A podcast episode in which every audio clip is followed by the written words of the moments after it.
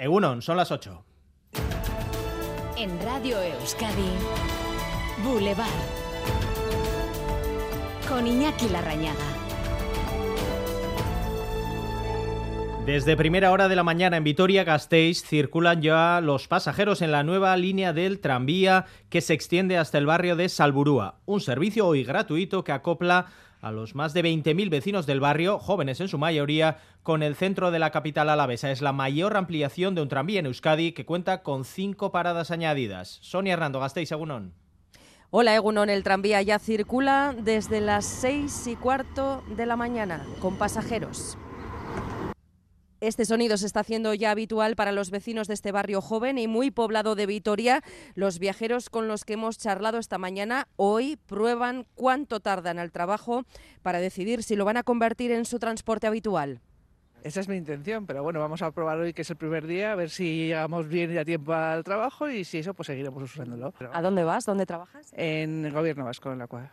¿Y habitualmente dónde, cómo te movías? ¿En autobús? No, en coche. O sea, que un coche menos para Vitoria. ¿eh? Eso, de momento parece ser que sí.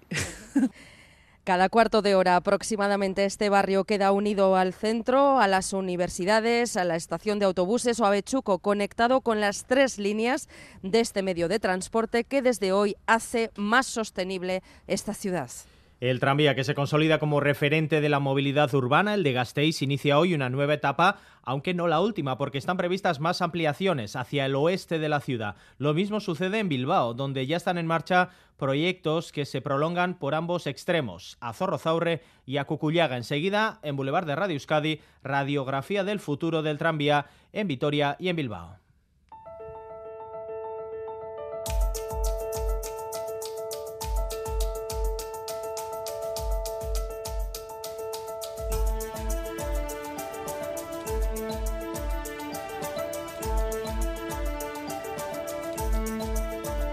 Y esta mañana de martes, 11 de abril, vuelta a la rutina para muchos tras la Semana Santa. En Radio Euskadi, entrevista al director general del SEA, Empresas Alavesas, con dos noticias laborales que impactan de lleno en las preocupaciones de la patronal. La primera, la notable reducción del absentismo laboral en Euskadi, que resitúa a la comunidad autónoma en la media del Estado. Y segunda, la creciente popularidad de la semana laboral de cuatro días, que comienza hoy por primera vez en el Estado un experimento de alcance. Lo hace en la ciudad de Valencia. Durante un mes, el calendario laboral se va a limitar únicamente de martes a viernes. Enseguida los detalles y entrevista a Joan Sanchís, es uno de los cerebros tras este ensayo en Valencia.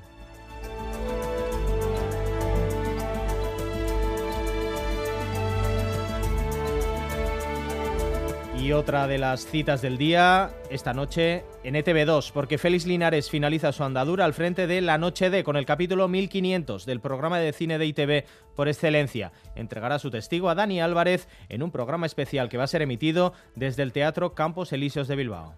Ese era el último. Y luego aparezco también en el primero de Dani. ¿eh? O sea, yo no me marcho tan fácilmente. Vale, yo soy vale. un tío que se agarra a la silla y aguanta ahí el tirón. intentar no convertirme en un imitador de Félix Linares. Claro, claro. Porque, claro. tú cuando tienes los textos en la mano, lo primero que se te viene a la cabeza es la voz de Félix. Llamar al exorcista, por favor, saca a Félix de mí.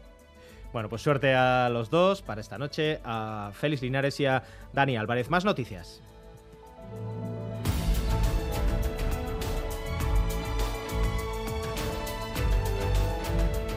El asesino de Alicia Aristregui, condenado a 23 años de prisión por violar y acuchillar a su pareja en Vitoria-Gasteiz. Así Herrero. Los hechos ocurrieron en 2020. La mujer le pidió distanciarse y este, tras colarse en su casa, le obligó a hacerle una felación. Los 23 años de prisión se sumarán a los 22 a los que Jesús Gil Peláez ya había sido condenado por asesinar a Alicia Aristregui en una parada de autobús de la localidad navarra de Villaba. Juan Carlos I va a volver a San Xenxo la semana que viene para preparar un campeonato de vela. Ha adelantado su vuelta para no coincidir con la campaña electoral. Viajará de Abu Dhabi a Londres y después a Vigo sin hacer escala en Madrid. El emérito asistirá a una comida con el rey Carlos III el martes 18 y previsiblemente asistirá al partido de Champions League del Real Madrid. El escritor Bernardo Achaga finalizará en breve su aportación a la plataforma Sumar. Descarta entrar en el mundo de la política y señala que se ha limitado a hacer una reflexión para la plataforma de Yolanda Díaz. Bernardo Achaga ayer aquí en Boulevard.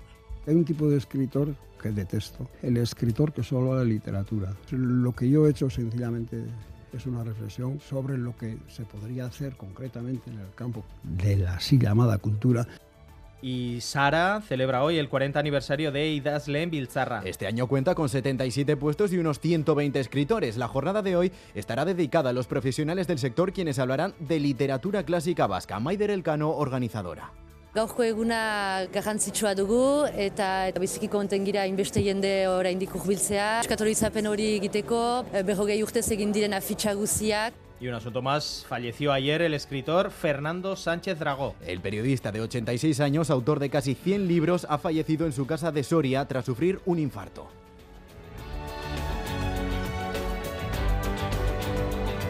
Información deportiva ahora con Álvaro Fernández Cadierno, Egunon. Hola Egunon, todavía con los ecos de la victoria conseguida por John Ran. Hay que hablar de fútbol, de un Deportivo a la vez que no podía pasar del empate anoche en Roza 0 a 0 frente al Andorra, por lo que se queda cuarto en la tabla con 61 puntos, a uno del ascenso directo.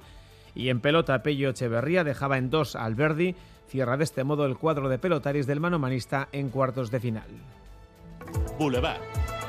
Lural de Bus nos ofrece la información del tiempo. Plural de Bus, a donde vayas, vamos contigo. Hemos comenzado la jornada con Shirimiri en la costa, con temperaturas más bien eh, templadas. Vamos a conocer la previsión del tiempo para las próximas horas. Euskalmenda y era Barrede, Gunón. Egunon, comenzamos la jornada con abundante nubosidad, sobre todo en la vertiente cantábrica, donde a estas primeras horas pueden producirse incluso algunas lloviznas puntuales. Con el paso de las horas, sin embargo, tenderá a limpiar y la tarde será en general soleada.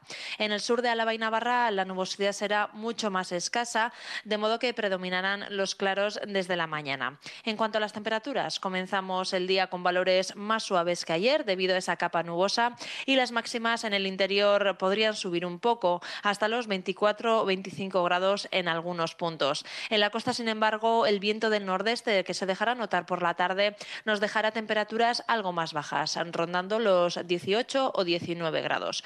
Por lo tanto, hoy por la mañana el ambiente será algo gris, sobre todo en la mitad norte, pero de cara a la tarde se abrirán claros.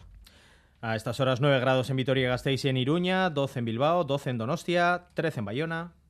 Egunon, en Zarcos tenemos 10 grados. Sornochan a malau grado. Agor, ¿dónde están?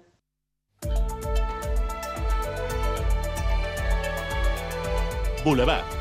Tráfico.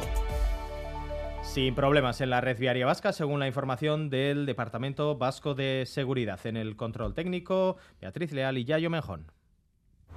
Turno de tarde en el hospital. Ocho horas me esperan. Voy a visitar a Laitona, a pasear juntos un ratito. Con las amigas al teatro, qué ganas tenía ya. Porque la vida vuelve y el transporte público es vida, en Lural de Bus, donde vayas, vamos contigo. Ayúdanos a mejorar nuestra información con tus comentarios, fotos y vídeos.